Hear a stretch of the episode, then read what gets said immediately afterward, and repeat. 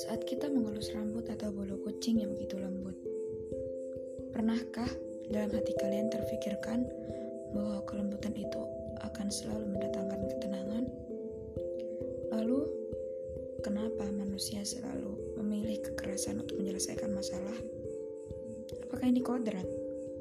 Lalu, apa gunanya perasaan yang diciptakan?